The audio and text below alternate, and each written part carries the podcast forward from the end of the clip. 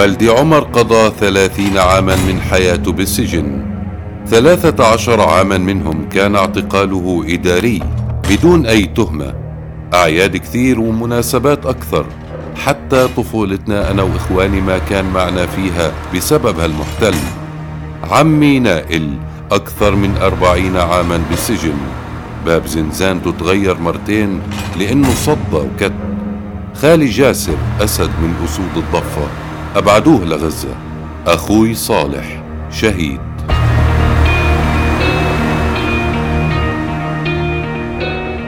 وعيت وكبرت على اعتقالات ومؤبدات وأحكام عالية وعمليات فدائية ومن هون اتشكل عندي الفكر والوعي.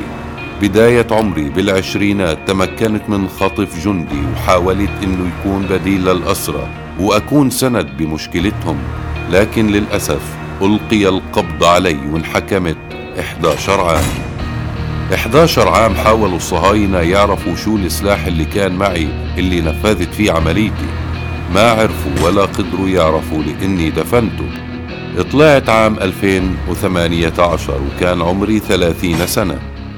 طلعت بفكر أوعى وضليت وفي لفكرة المقاومة وزاد الحقد والكره على هالمحتل. اللي سرق عمري البسيط مقارنة بالأعمار الجميلة المسروقة من الأسرى واللي بتوصل لثلاثين وأربعين سنة. بيت وسيارة وزوجة كل مقومات الحياة اللي الشباب بتدور عليها كانت متوفرة إلي بعد ما طلعت من السجن.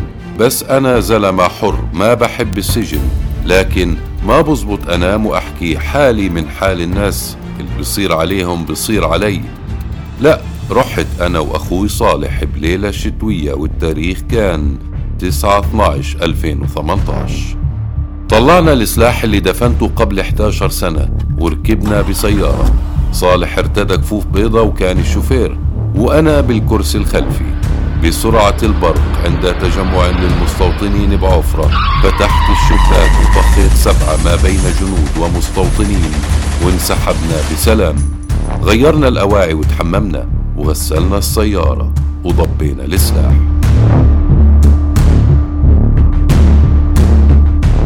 الصهاينة صابهم رعب وبلشت حملة التحقيقات ومصادرة الكاميرات والاعتقالات لحد ما وصلوا لطرف خيط للعملية وعن طريق كاميرا إحدى المباني صورت السيارة.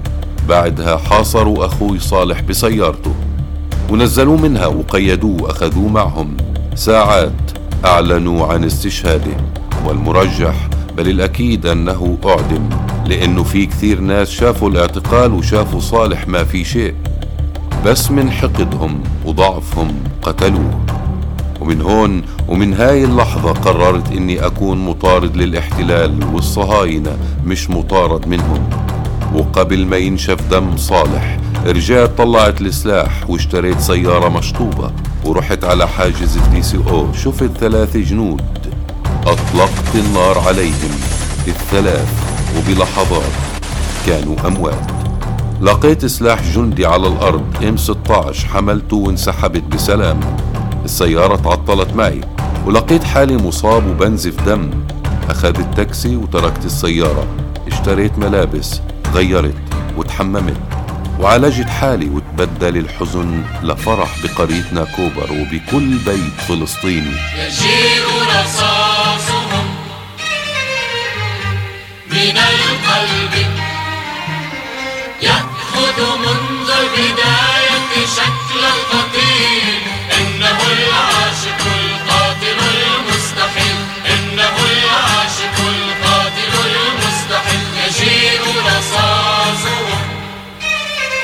خلال ساعات بلشت عملية المطاردة لأكثر من شهر. اعتقلوا أهلي وأبوي ونساء. كل من تحدث معي ولو بكلمة قبل سنين اعتقلوه. ما خلوا حد إلا ضغطوا عليه. ولأنه لكل بداية نهاية وصلنا لنهاية جزء من قصتي وبداية لقصة جديدة. بقرية أبو شخيدم وصيت أهلي سدوا ديوني واعتقلت. ورجعت للزنازين اللي زرتها وأنا صغير. رجعت بفكر أكبر ووعي أكبر حامل على ظهري اسم أخوي الشهيد وأبوي الأسير. الصهاينة بلشوا يحققوا معي لكن لسوء حظهم تعبوا ما تعبت. وانصدموا بجبل لا يتزحزح. فترة التحقيق استمرت 14 يوم متتالي. كل يوم 20 ساعة بشكل متتالي. هدوا البيت. حكوا لأبوي قتلنا صالح واعتقلنا عاصم حكى لهم أنجبتهم لمثل هذا. آخر شيء وصلت للمحكمة ووصلت للحكم. نبهوا علي إنه أهالي القتلى بالمحكمة وما بدهم أي تصرف استفزازي مني. وأي إشي بيحكوه بدي أسكت. لكن أنا اللي نبهت عليهم إنه إذا نظراتهم ما بتعجبني راح أطلع لهم من القفص. قيدوني وأدخلوني على المحكمة وعلى الباب كان في صحفيين صوروني وانتشرت صورتي. بني آدم عبارة عن زلزال بشري متحرك. الأرض بتهتز لما بيمشي. وجه ملائكي لكن التناقض إنه هالوجه بعيون مرعبة؟ انتشرت هالصورة المرعبة والكل تغنى فيها. وقفت بالمحكمة وقلت للقاضي احكي إني ما قتلتهم ببيوتهم وببلدهم احكي إنه هم اللي إجوا يضيقوا علينا حياتنا. حكموني حكم ما حدا بيعترف فيه. حكموني أربع مؤبدات يعني 396 سنة وغرامة أكثر من ثلاثة ملايين دولار.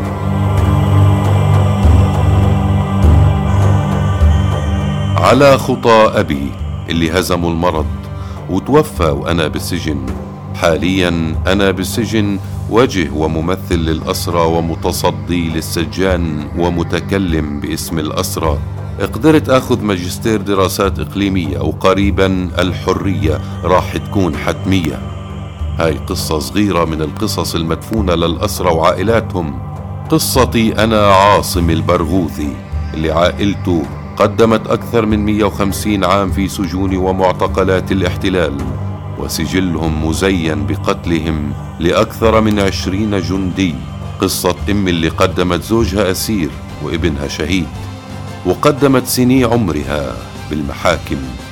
هذه قصة أسير لا يمكن أن يعد رقما أو أن ينسى.